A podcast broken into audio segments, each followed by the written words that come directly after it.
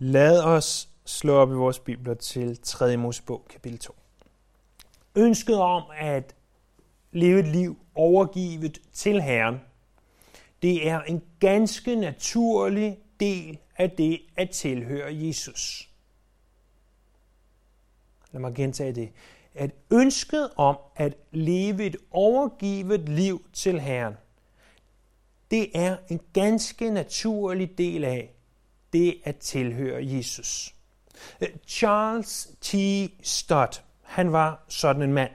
Han blev født i 1860. Han blev født ind i en ganske velhavende familie. Han blev omvendt der i starten af 20'erne. Øh, som 25-årig så sejler han imod Kina for at være missionær. Mens han var missionær i Kina, så går hans far hen og dør.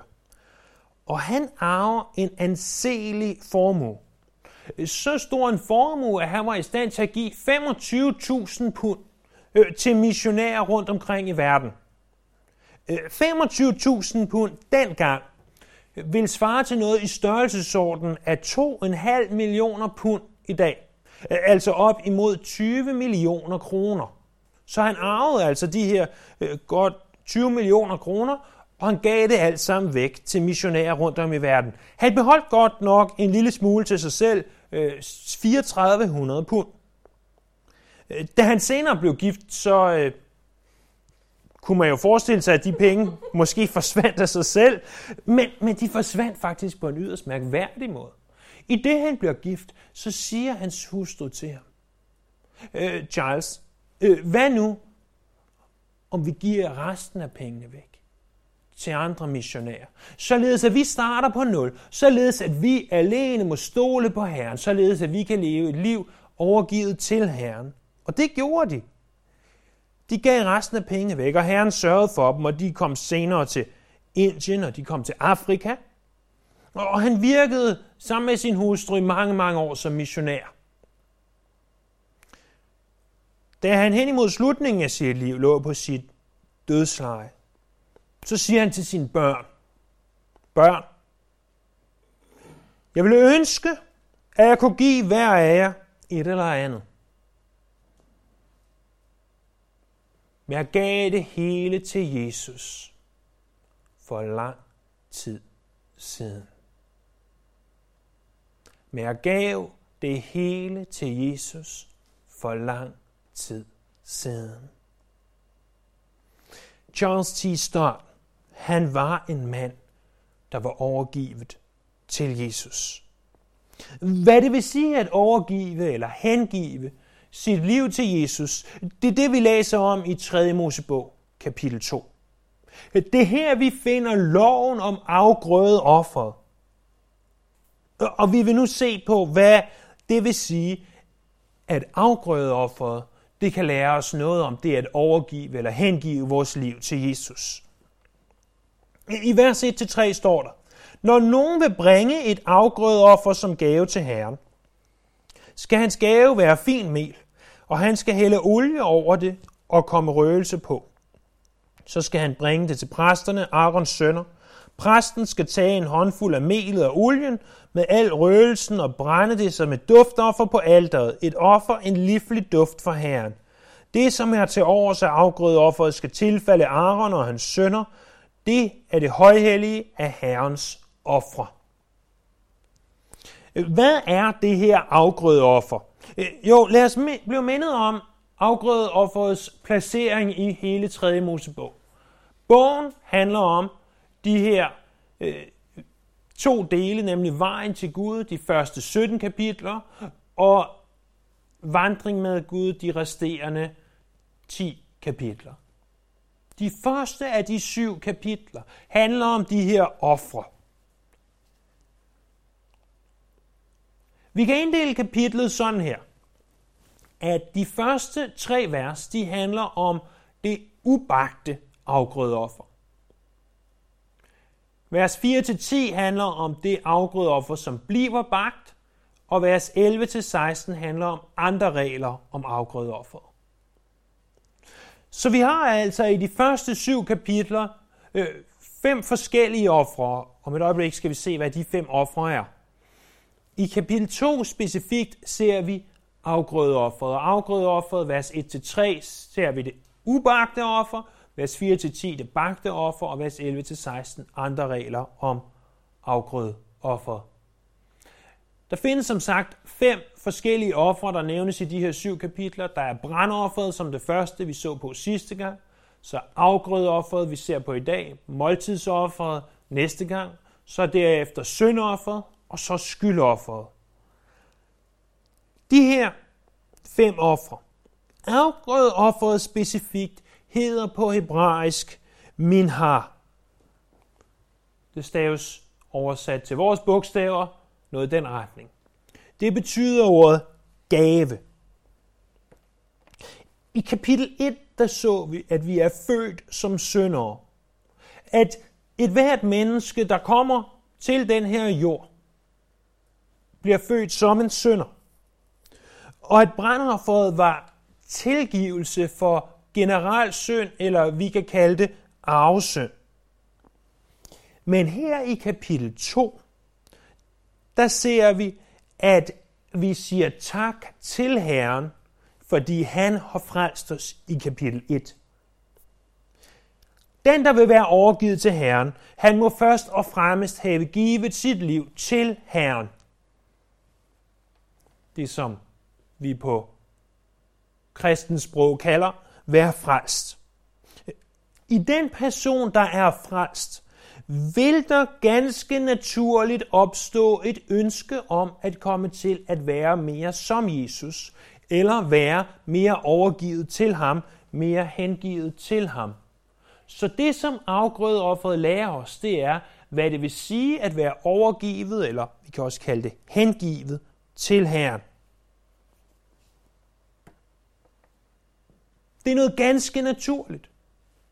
Lige så naturligt, som det er øh, for det lille spædbarn, der bliver født, at begynde at trække vejret og skrige, og hvad små spædbørn ellers gør. Lige så naturligt er det for den kristne, som er frelst, at begynde at ønske at ligne Jesus mere og mere. At leve et liv, hvor man er hengivet og overgivet til Herren. Øh, vi kan sammenligne det med et sundt ægteskab. Først og fremmest må parret blive forelsket, siden gift, og derefter vil de bruge resten af livet på at vokse tættere og tættere sammen.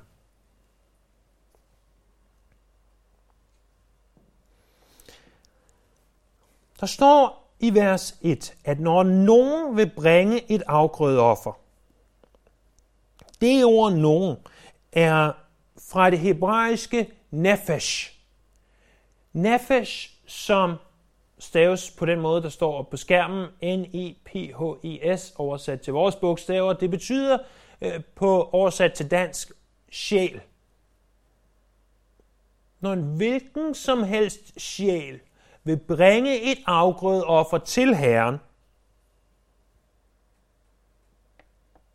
eller som gave til Herren, så skal hans gave være.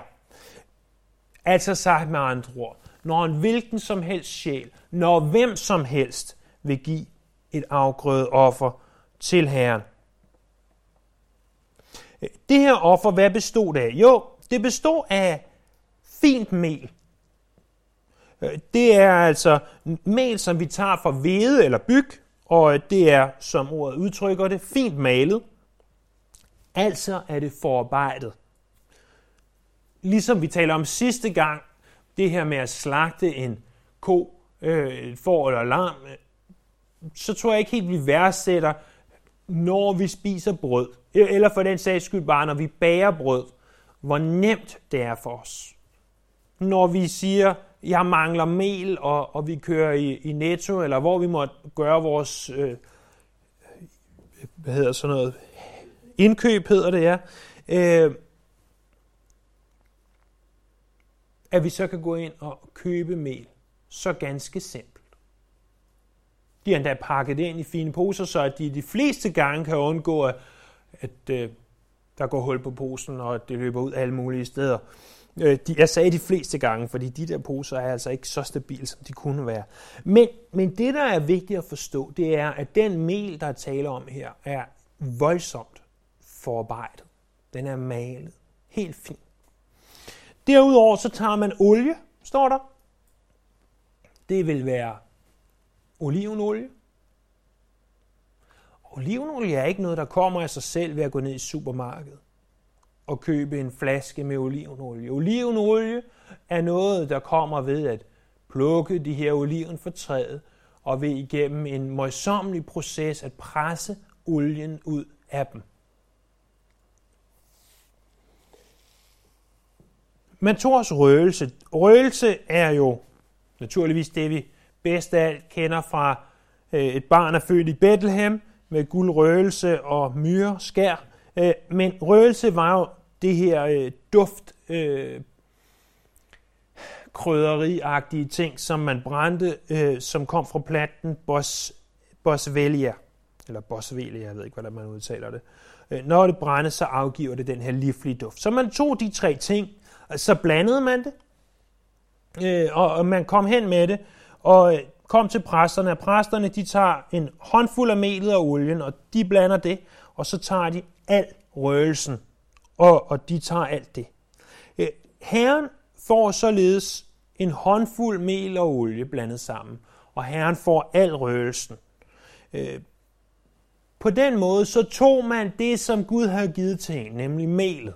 Gud havde givet, sørget for, at man fik det her korn, som kunne blive til korn, og som man så kunne male. Så tog man noget af det og gav tilbage til ham. Samtidig tog man al røgelsen, for det kunne man alligevel ikke sådan rigtig spise, så, så tog man alt det, så at det blev til en livlig duft. Men præsterne fik også noget af det, øh, det vil sige Levis stamme. Og øh, Levis stamme var sådan, de fik ikke en del i landet, men de fik lov til at få de her øh, midler, som blev givet til Guds hus, og af dem skulle de leve, og det vil sige, de fik altså den her del. Øhm, der står også, at det er højhelligt, det er det højhellige af Herrens offer. Og det var fordi, det her var ikke bare noget, man skulle tage hjem og så leve af derhjemme.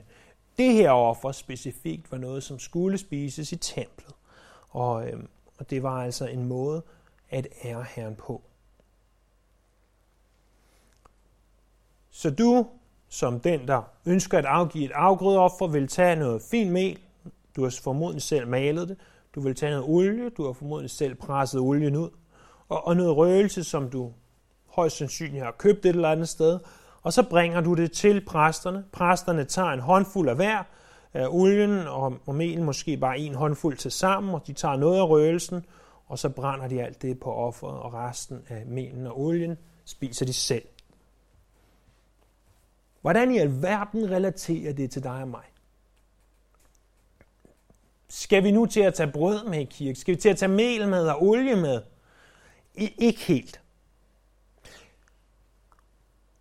Det vigtigste i kapitel 2, og det som vi bliver nødt til at huske, det er, at offeret lærer os, hvad det vil sige at være overgivet til Herren. At den, der er frelst, vil have et naturligt ønske om at leve sit liv tættere sammen med Herren. Det er jo blandt andet derfor, vi er her i dag. Det, øh, jeg er helt ærlig, håber jeg ikke for kaffen og teen bagefter.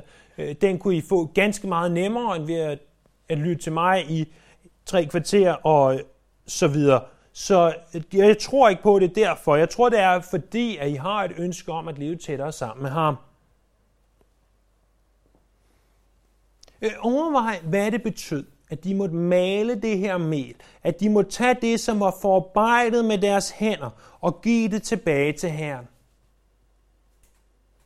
Hvad har du i dag, som du har forarbejdet med dine hænder, som du kan give tilbage til Herren? Øh, de fleste af os, øh, hvis man så det sådan rent produktivt, øh, producerer ikke sådan, så meget med vores hænder længere i det land, hvor vi bor i. Men vi producerer penge. Og penge er helt reelt en af de ting, vi kan tage og give tilbage til Herren. Prøv gang at slå op i 2. Korintherbrev, kapitel 9, vers 6.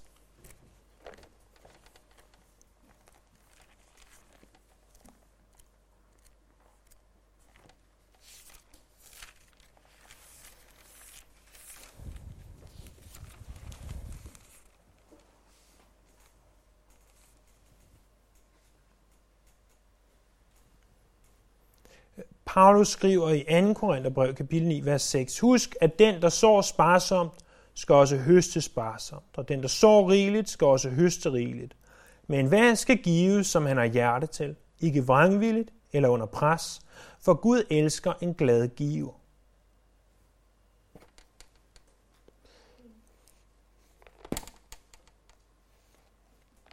Et liv overgivet til Herren betyder også, at vi tager det, som Gud har givet os, og giver tilbage til ham.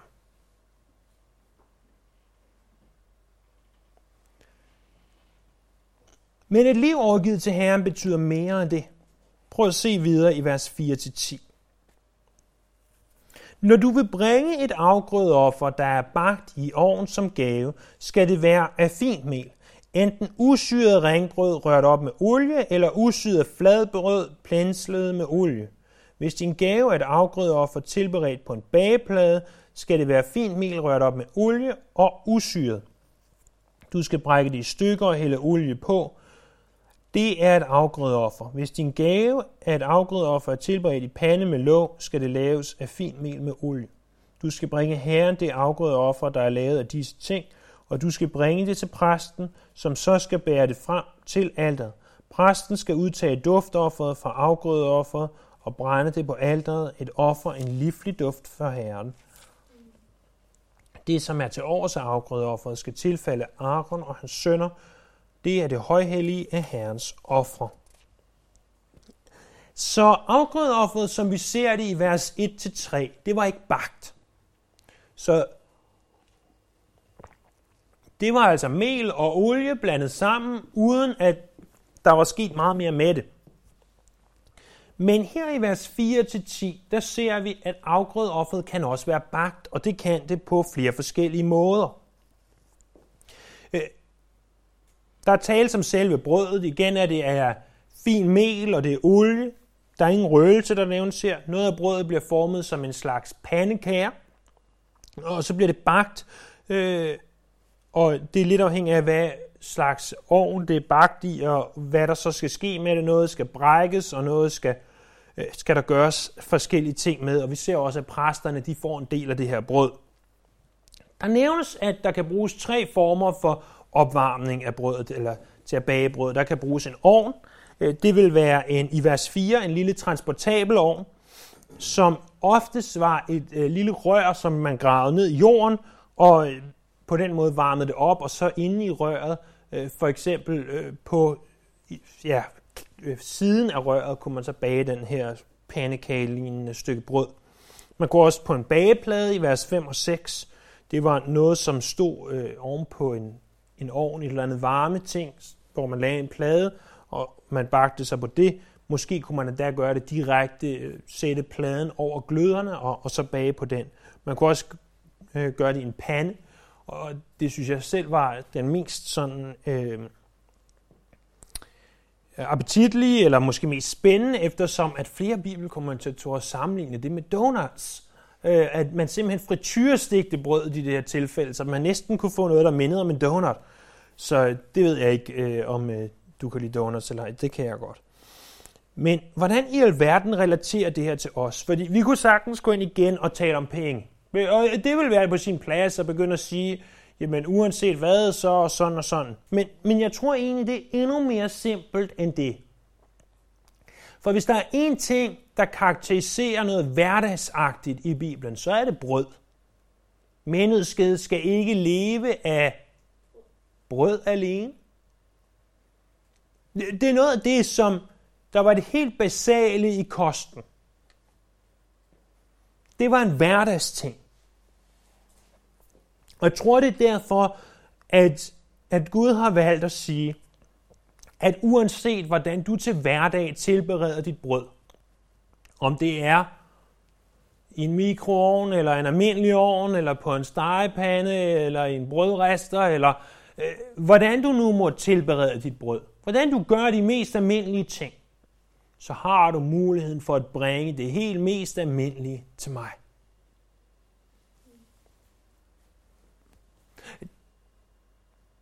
Den kvinde eller den mand, som ønsker at leve et liv overgivet til Herren, bliver også nødt til at overgive sin hverdag til Herren. Det burde ikke komme som en overraskelse for os, og alligevel så gør det så ofte. Hvordan indretter vi vores dag? Forsøger vi at indrette den, så der er tid til bøn og bibellæsning? Forsøger vi at sætte tid til side af til at bede inden et måltid? Prioriterer vi kirkegang? Er det noget, vi sætter tid af til i kalenderen? Har vi et arbejde, som til gode ser, at, at vi kan komme til Guds tjeneste øh, så ofte, som det er muligt? Det er måder, hvorpå vi kan indrette vores hverdag, så at Gud han får prioritet.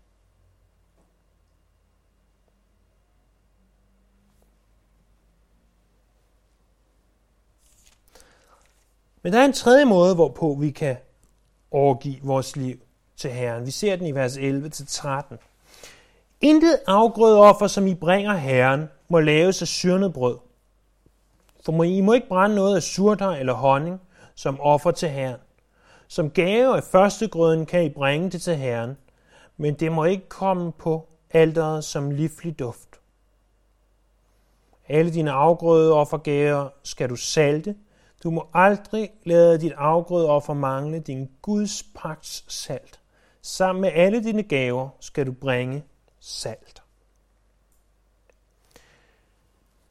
Så der nævnes altså her noget, der ikke må være, og noget, der skal være. Det, der ikke må være, det er surdej og det er honning. Øh, det, der skal være, det er salt. Øh, vi kunne godt begynde at, øh, at spekulere i, hvorfor må der ikke det, og som gave af første grøden står der i vers 12.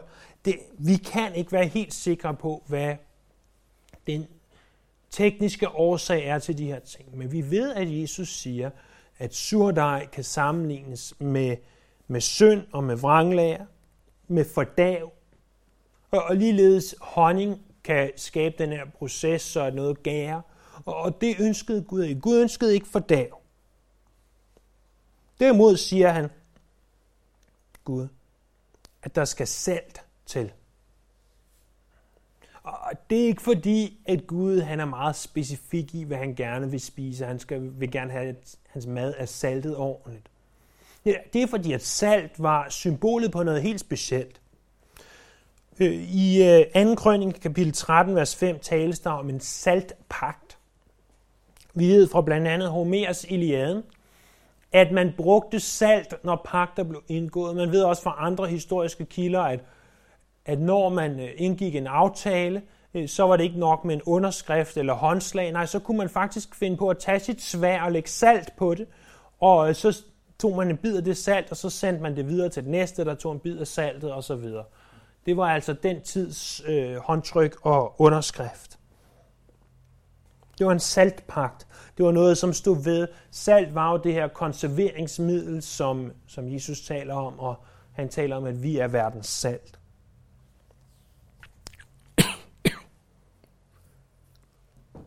Hvordan relaterer det til den mand eller kvinde, der vil leve et liv overgivet til Herren? Jo,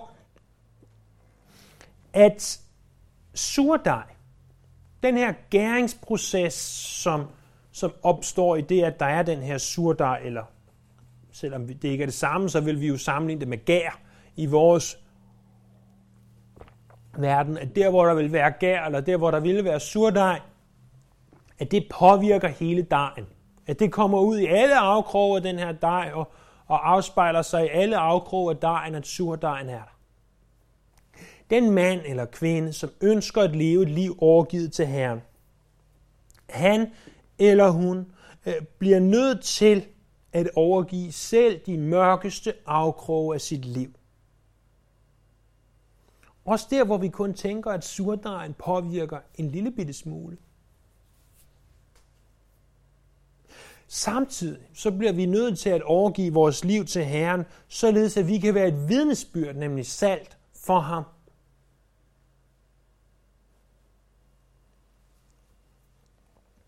I vers 14-16 ser vi, den sidste måde, som kapitlet taler om at være overgivet til ham på. Hvis du vil bringe et første grødoffer til Herren, skal du ofre friske aks, ristet over ild og gruttet frisk korn som dit første grødoffer. Du skal hælde olie over det og komme røgelse på det, og det er et afgrødeoffer. Præsten skal brænde noget af det gruttede og olien med al røgelsen som duftoffer, et offer for Herren. Spørgsmål. Er der nogen, der ved, hvad ordet gruttet betyder? Er der nogen, der ved, hvad det betyder? I vores mest moderne oversættelse, som er autoriseret i det danske kongerige? Jeg vidste det heller ikke, så jeg slutter op. Det betyder groft malet. Så vi har finmalet mel, og så har vi groft malet mel her. Så, men det kunne man altså ikke i 1992 simpelthen finde på at skrive. Det vil være alt for nymoderne at skrive groft malet mel. Øhm, så der findes den her afart af afgrødeofferet, nemlig første grødeoffer. Det er også et afgrødeoffer, men øh, det er et afgrødeoffer, man bringer af det første, man modtager. Og det betyder, at man skulle ikke begynde at finmale det. Det skulle gå en lille smule hurtigt. Man skulle ikke bruge den ekstra tid på at finmale det. Man vil bare give det til Herren sådan lidt hurtigst muligt, om du vil. Hvordan reagerer du på de spontane ting i livet? Hvordan reagerer du, når situationer pludselig opstår? Hvad er de første prioriteter i livet? Det er sådan, det her relaterer sig til det kvinde eller mand, der ønsker at være overgivet til Herren. Hvad er dine første prioriteter? Det kan godt være, at du måske ikke er 100% frisk om morgenen eller aftenen, øh, om morgenen, når du står op, eller aftenen, lige inden du går i seng. Men er det alligevel en prioritet for dig at bruge øh, bare øh, ganske få minutter sammen med her? Og selvom det måske ikke er 100% koncentreret. Øh, det tror jeg er en måde at levere gruttet øh, frisk korn til ham på. Vi kunne også tage noget så simpelt som at komme til gudstjeneste. Det kan godt være, at du ikke føler dig helt frisk oven på øh, lørdagens strabasser, men kommer du alligevel, øh, fordi du siger, at jeg vil gerne give det første til Herren. Den mand, den kvinde, som ønsker at leve et liv overgivet til Herren, må give ham det første. I Romerbrevet kapitel 12, vi må gerne prøve at slå op en gang. I, I de første to vers, der taler Paulus om netop det her, som afgrødeofferet lærer sig. I Romerbrevet kapitel 12, vers 1 og 2 står der. Så formaner jeg jer, brødre, ved Guds barmhjertighed, til at bringe jeres læmer som et levende og helligt offer, der er Gud til behag. Det skal være jeres åndelige gudstjeneste. Og tilpas jer ikke denne verden, men lad jer forvandle ved at sindet fornyes, så I kan skønne, hvad der er Guds vilje, det gode, det som behager ham. Overgivelse, hengivelse til Herren, det er, at vi stiller os selv til rådighed for ham. Vi mindes om, hvad det er, at vi her i 3. Mosebog kapitel 2 overgiver. Jamen, vi overgiver vores økonomi. Vi overgiver vores hverdag. Vi overgiver vores synd og vores vidnesbyrd. Og vi overgiver vores prioriteter. Som Paulus udtrykker det, så bringer vi vores læmer som et levende og helligt offer. Vi overgiver vores liv. Øh, der er en, der har udtrykt det sådan her.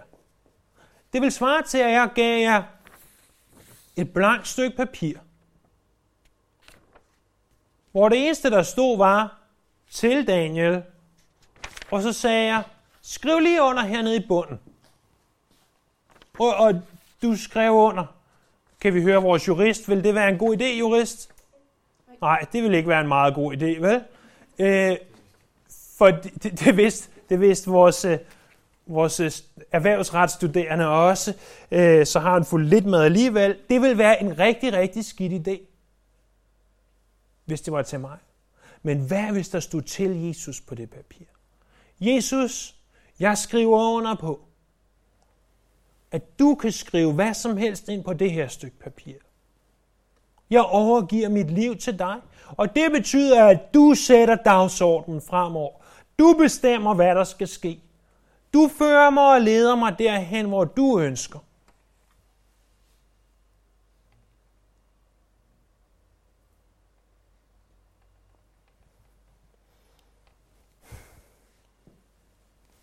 Og jeg ved ikke, hvad du sidder tilbage og tænker.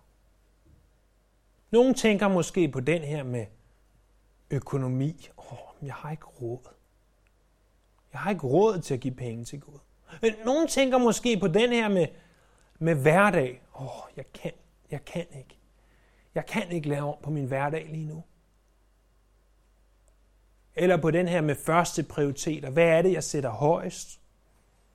Oh, det er bare det her andet, jeg har gang i mit liv. Det er bare så spændende.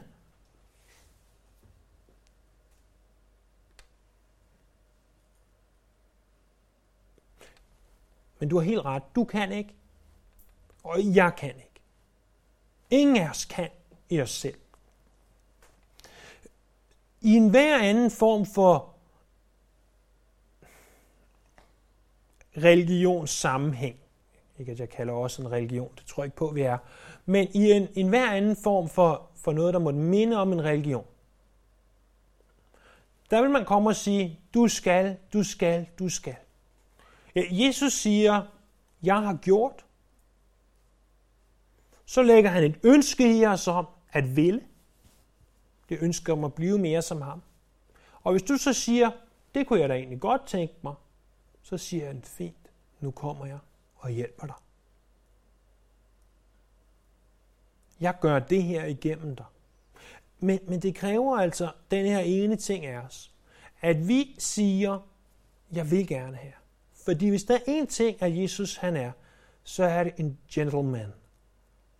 Han vil ikke overtræde vores grænser. Han siger, du er nødt til at skrive under på det her papir og sige, du er min herre, du bestemmer, jeg overgiver mit liv til dig. Og hvis du blot skriver under, så at sige, billedligt talt, så kan han begynde at arbejde i de her områder i dit liv. Men jeg vil mene, at det er på sin plads, at du beder over og siger, herre, arbejde i de her områder, både specifikt i de ting, i de fire ting, vi har talt om i aften, men også generelt, for jeg kan have et liv, der er mere overgivet til dig. Lad os bede sammen. Jesus, vi takker, at du ikke bare har frelst os for at lade os blive, som vi engang var, men du har frelst os for at arbejde i vores liv, for at vi kan blive mere som dig. Og vi beder nu, at vi må overgive en større del af vores liv til dig.